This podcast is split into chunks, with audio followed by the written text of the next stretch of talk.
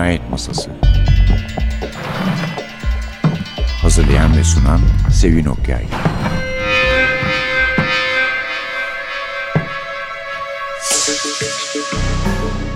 Merhaba, NTV Radyo'nun Cinayet Masası programına hoş geldiniz.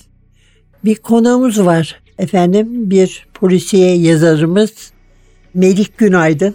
Buzlar Çözülünce kitabı çıktı. İkinci kitabı. Ondan önce Sürgün Avı vardı. Yalnız bunlar farklı yayın evlerinden galiba değil mi Melih? Evet ikisi de farklı yayın evi. Evet. Düşbaz'dan yani Düşbaz şey mi oluyor? Everest Alfafa Ayrıntı yayınları. ayrıntının mı Düşbaz? Evet ayrıntı Ha, güzel. yayınlarının bir markası. Güzel kitaplar çıkıyor oradan. Ben şey yapıyorum öyle. Evet. Evet evet incelikli çalışıyorlar. Bu neydi diye bakıyorum şimdi. O da dipnot. Dipnot bu da. Evet. Kara haftada da vardın. Evet. Yani ilk iki günde ben Göte'ye gidemedim sonra üçüncü güne. Nasıl buldun? Bence fena değildi. iyiydi yani. İlk Evet. iki gün iyiydi. Ya ben işimden dolayı ilk gün katılabildim sadece. Programım da ilk gündü. Ahmet Ümit'ten dolayı olabilir. Ha. Büyük ihtimalle kalabalıktı bizim oturumumuz ve Tabii canım, zaten onlar Ahmet Ahmet'in seyircisiydi kitlesi. daha çok yani. Biz de o şansı iyi değerlendirdik diye düşünüyorum. Ahmet Ümit'ten önce Siz- çıkmamız bizim bir Sizinki şansımız. de güzel oldu. Sizinki de iyi oldu yani. Evet evet. Sen vardın. Burak Bey vardı. Evet. Burak Akgüç vardı. Burak o Akgüç şeyden. vardı. Onun da ikinci kitabı. Evet onun da ikinci kitabı. Bir de Alper mi vardı? Alper Cadıgöz'üm kimdi sizin moderatörünüz? Bizim moderatörümüz Tuna Kiremitçi'ydi. Tuna Kiremitçi'ydi moderatör. Birisi daha vardı o zaman. Biri daha vardı evet şu an ismini anımsayamadım. Sizinki ilkti zaten değil mi? Evet ilk oturum ile biz bizimkiydi. Yeni polisler. karşılaştık. Dedi, ben dedi gideceğim Sevin abla ilk benim dedi. Evet. Tuna çünkü. Ondan sonra bir şey var. Doğu Yücel. Murat Orada Menteş. Murat Menteş var Evet. işte. Evet. Alper Canıgüz orada Al- mıydı evet, acaba? oradaydı. O da oradaydı. Sizde kim olduğunu bak hatırlayamadım ne kadar ayıp. Hem de yazar yani yazarı hatırlayamadım. Neyse. Evet kitaptan dışarıda konuştuk. Her iki kitapta Evet. da olduğu için dikkatimi çekti. Tek birinci teki şahıs ağzından ya da üçüncü teki şahıs ağzından anlatmıyorsun. Yani gene öyle anlatıyorsun ama sırayla Evet. bir orayı bir orayı. Şeyde sürgün avında daha fazla şahıs var. Onun için o Evet. daha da yani aslında takip etmesi zor değil ama daha da farklı yani merakla bakıyorsun kim gelecek diye şimdi. Ama esas olanlar sonlarda şey yaptı yani o Navi Burcu Evet. tabii toparladı meseleleri. Burada da buzlar çözülünce de öyle. Ana kahramanlarımız yani Defne, Evet. Memo. Evet. Yanında bir de tabii aile tarafı var. Evet. Barış, annesi, ablası. Evet. Babası Evet öbür tarafta da Ali. Ali ile Eylül. Evet. Ali ile Eylül. Neyse şimdi yine konuşuruz. Granjda falan da olduğunu, Granjda falan da olduğunu söylemiştik. Evet. Doğrudur yani. Cinayet Masası Efendim Melik Günaydın konuğumuz, kitabımız Buzlar Çözülünce. Muhtelif şahıslar olduğunu konuşuyorduk. Yani bu şahıslar elbette var da bir onun bir onun üzerinden ilerliyoruz mesela. Sürgün avında bu daha da fazla. Nasıl başladın? Sen ama şeysin değil mi? Yani basınla ilgilisin. Evet. Daha önce bir gazetecilik geçmişim var. Yayın seneye yakın. dünyasıyla ilgilisin. Şimdi de yayın dünyasında ürünler veriyoruz. Orada bir yayın koordinatörü görevi üstleniyorum. Tabii ikisi benim için farklı kimlik. Hem yazar kimliği hem yayıncı kimliğim var ama yayıncı da işim olduğu için aslında biraz daha beni besleyen kısım tabii ki yazarlık o konularda ama gazetecilikte şöyle bir şey vardı. İlk romanında işte siz de gördüğünüz Burcu bir savaş muhabiri.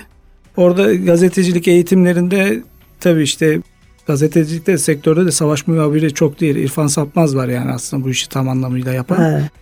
Ondan aldığım eğitimlerden gördüğüm, not ettiğim şeyleri faydalandım yani. Aslında gazeteciliğin öyle bir katkısı oldu bana diyebilirim. Peki nasıl oldu bu yani hep nasıl başlandığını merak ederim. Şimdi aslında sürgün avı Hep niyetli miydin yani? Yoksa Niyetliydim. Yani üç karakter üzerinden anlatmaya niyetli değildim aslında. Yani Evet, orada çoklu bir yapı var sizin de söylediğiniz gibi. Fakat onların üçünü bağımsız anlatmadığım sürece o roman eksik kalacağını düşünüyordum ben. Yani editörümle de bunu görüştüm. Biraz zor oldu. Aslında biraz karışık oldu. Takip etmesi biraz güç oldu. Hatta ben romanı tamamladıktan sonra işte olumlu olumsuz eleştiriler aldım elbette. Bunların bazıları da işte takip etme güçlüğüyle ilgiliydi. Benim açımdan da zordu. Yani yazar açısından da zor. Sadece okur açısından bunun bir zorluğu yok. Ama iyi kotardığımı düşünüyorum ilk romanda bunu. Üç karakterden anlatarak. Sonunda işte Navi ve Burcu eksenine evriliyor ve en sonunda işte sadece Navi ile kapatıyoruz. Bunun örnekleri de var daha önce söylediğim gibi işte ve onun örneklerini de okudum o süreçte. Üçlü hikaye yapısı pek fazla olmasa da ikili hikaye var. Buzlar çözülünce de de yine dinamik bir yapı kazandırdığı için çoklu hikaye anlatımı okurda merak duygusunu tetikliyor. Çünkü işte bir sonraki sayfada ne olacak ya da hangi karakterle karşılaşacağız bir sonraki sayfada? İşte Defne ile mi karşılaşacağız yoksa Ali'nin hikayesinden mi devam edeceğiz? O dinamik yapıyı sevdiğim ve okurun da sevdiğini düşündüğüm için bu sefer hem beni daha az zorlayacak bir yapıda olsun istedim. İki karakter üzerinden anlatmak istedim. Ve onu ikiye indirdim. Yine de tabii kurgu açısından incelikli çalışmak zorundaydım. Yine beni zorladı ama en azından şu an okurlardan aldığım geri dönüşlere göre takip etmesinin yani ilk kitabına göre daha kolay olduğunu söyleyebilirim.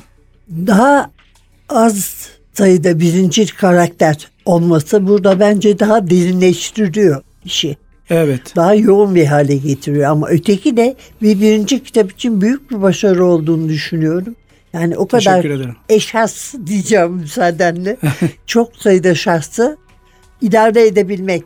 Evet. Yani birbirine karıştırmadan, bulaştırmadan o da çok başarılı. Şimdi Bunu evet stil olarak benimsedin mi yoksa başka türde yazar mısın bundan sonra? Şimdi başlangıçta şöyle bir şey söyleyebilirim. Yani Navi ile ilgili ben çok öykü yazdım. Yayınlanan internet mecrasında olsun, derlemelerde olsun yayınlanan öykülerim var. Yani roman olmadan Hı. karakterin Evet. sesini bulabilmek için epey zaten Navi ile aşırı neşir olmuştum. Yani bu benim işimi Navi'nin derinliğiyle ilgili tabii ki zorlamadı aslında o kitapta. Ama diğer karakterlerde ben de katılıyorum. Öyle de bir eleştiri almıştım ve ben o eleştiriyi de cebime koydum her zamanki gibi.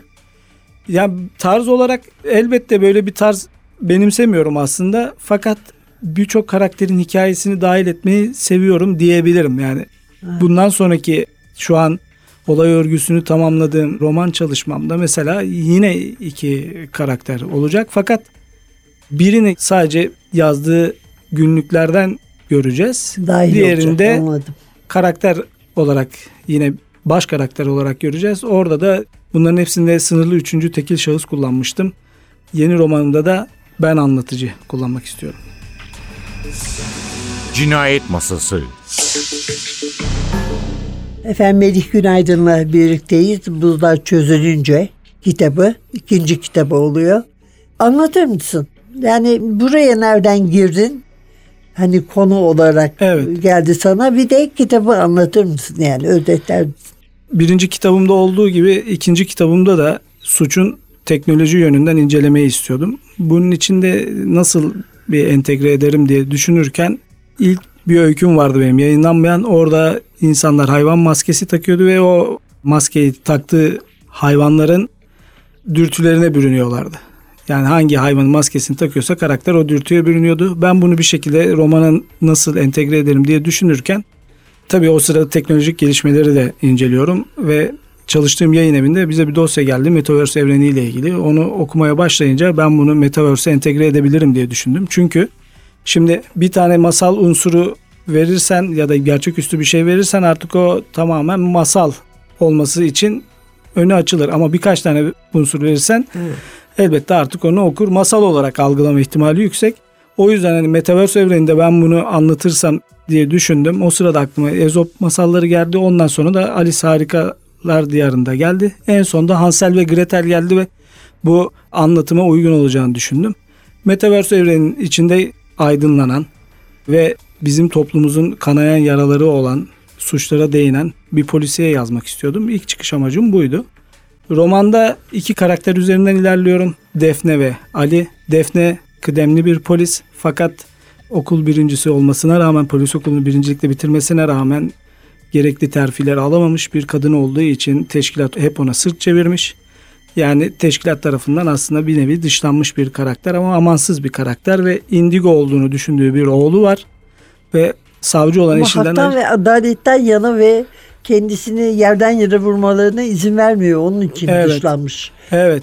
Bir de barış yüzünden biraz. Evet. O, indigo bir çocuk. Aslında Nereden? indigo çocuk şöyle ben romanda spekülatif de bir taraf olsun istedim. Şimdi ben o Pizzagate olayına aslında atıfta bulunuyorum orada. Hani o da bir spekülatif bir Amerika'da gerçekleşen bir olay. Indigo çocuklar da aslında spekülatif bir durum. Yani böyle çocukların var olduğu da sayılıyor ve böyle çocuklar olmayabilir de deniyor ama ailenin ona bakış açısı bu. Onu vermek istediğim için öyle bir çocuk yerleştirmek istedim ve Defne'nin çocuğa bakış açısı da normal klasik annelerin hani o sahiplenici bakış açısından çok uzakta. Hani öyle sahiplenen işte oğlu için her şey yapan bir anne olsun istemedim. Özellikle istemedim bunu. Hani mesleğine daha düşkün Ama olsun. zaten içinde bulunduğu şartlarda yapması da mümkün değil. Evet. İşi itibariyle, çalışma saatleri itibariyle. Evet kesinlikle. Ali de grafiker, sıradan bir insan toplum gözünde aslında o da yalnızlaştırılmış biri. Onun da geçmişiyle ilgili problemleri var. Metro istasyonunda denk geldiği bir çocuk çizimlerinden o da geçmişine bir yolculuk yapıyor ve o da oradan tetiklenerek bir izleyin peşine bir, ya aslında ona bir kanca takıyorum ve o kancanın peşinden ilerliyor. Cinayet Masası Buzlar çözülünce biraz sonra sürgün avından da bahsedeceğiz. Melih Günaydın'ın birinci kitabı. Buzlar çözülünceden söz ediyorduk. Eklemek istediğim bir şey var mı? Şimdi ben bir suçun bireysel bir eylem olduğunu düşünmüyorum. Aslında bu kitapta ona vurguda bulunmak istedim. Suçun birçok yönü var. Ekonomiksel yönü var, toplumsal yönü var, sınıfsal yönü var. Yani biz suçu sadece bireysel bir eyleme dönüşecek bir durum olduğundan bahsedersek hem gerçekçi olmaz hem de bence nitelikli bir durum söz konusu olmaz. Bu romanda da ben aslında bunun üzerine durdum. Görüyoruz işte bir sürü olayla karşılaşıyoruz. Bu olaylara da toplumun bireysel tepki verdiğini de görüyoruz. Hı. Bireyler Vahabaziler diye bir şey var mı sahide? Var tabii evet. Afganistan'ın da bir gelenek bu. Aslında Ha. onları yani gelenek diyorum ama kötü bir gelenek yani. O işte hem gelenekler hem işte bahsettiğim o tarikatlar vesaire. Hepsinin aslında bir sınıfsal, ekonomiksel, toplumsal bir durum olduğuna vurguda bulunmak istiyorum bu kitapta. Sürgün avından da söz edelim mi? Elbette. Biraz. Sürgün avında çok karakterimiz var. Çok. Evet, üç karakter üzerinden Navi ilerliyorum var. orada. Navi var, Burcu var, Mekin Burcu ve var. Filit var. Şimdi hani yan karakterlerden, ikinci şeylerden söz ettik ya. Aslında tabii en çok akılda kalanlar kötü adamlar oluyor. Yani Evet. iyi çizilmiş bir kötü adam eğer abartılı abartılı böyle bir şey değilse insanın aklında kalıyor. Mesela burada çok var öyle.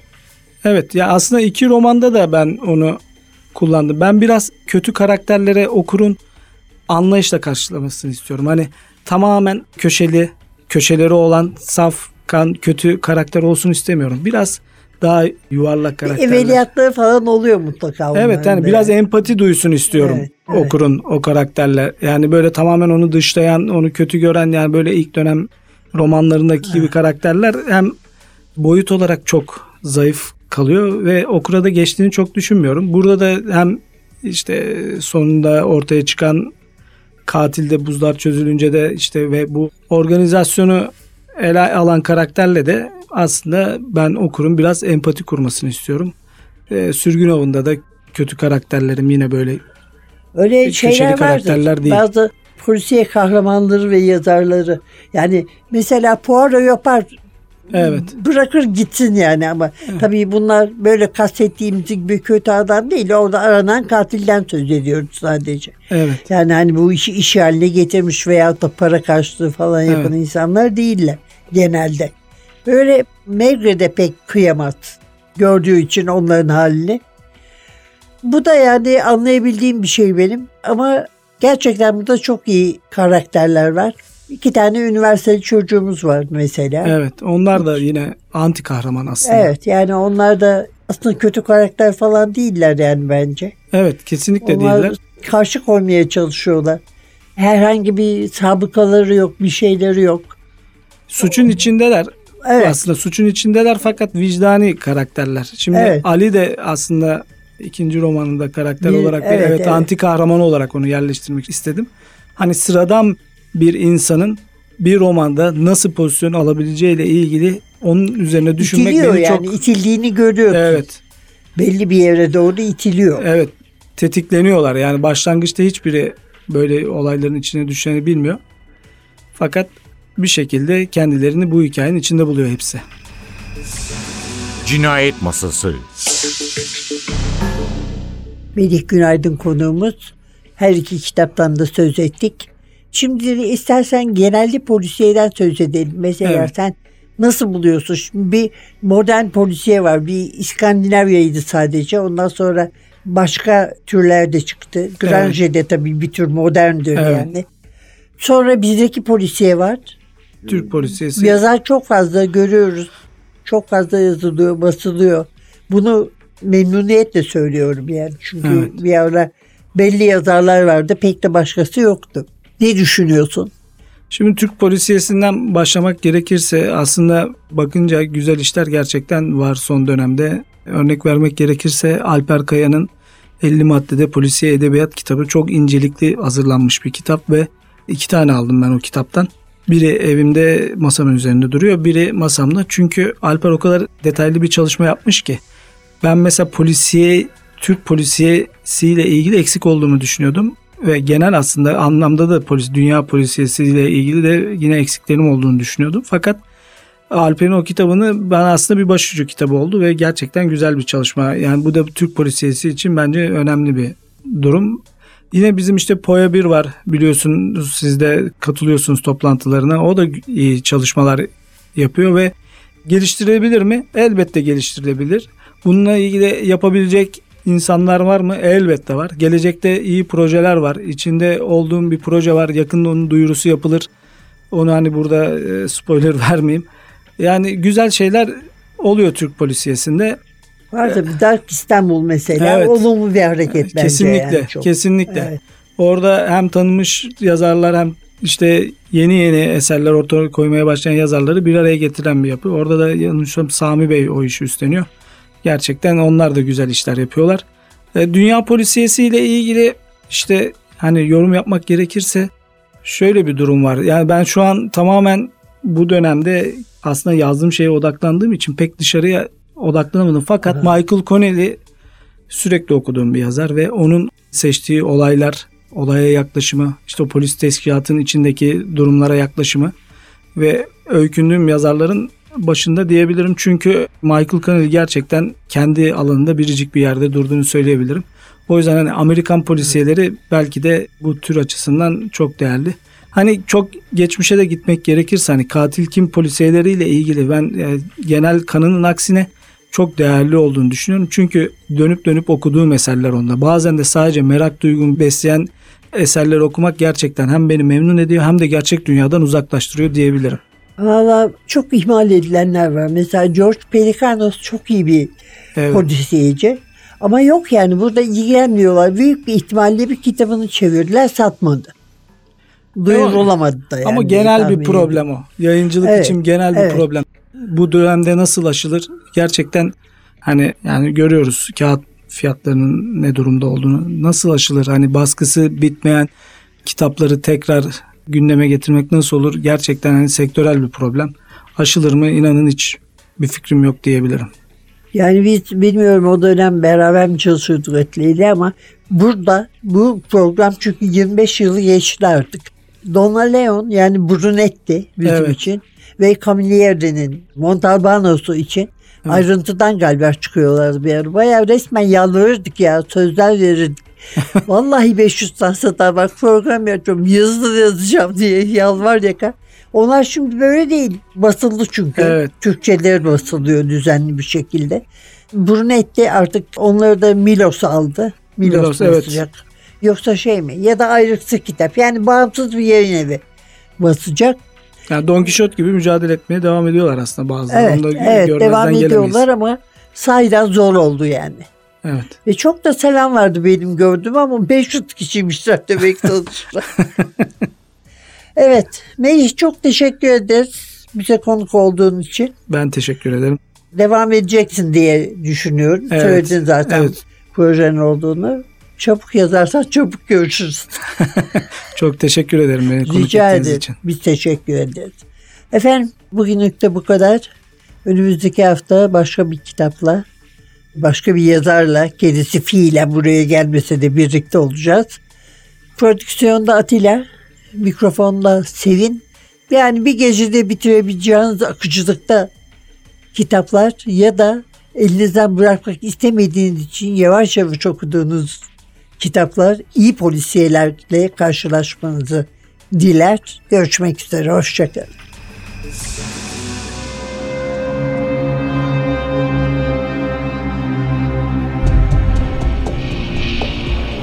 Cinayet Masası Hazırlayan ve sunan Sevin Okyay Cinayet Masası sona erdi.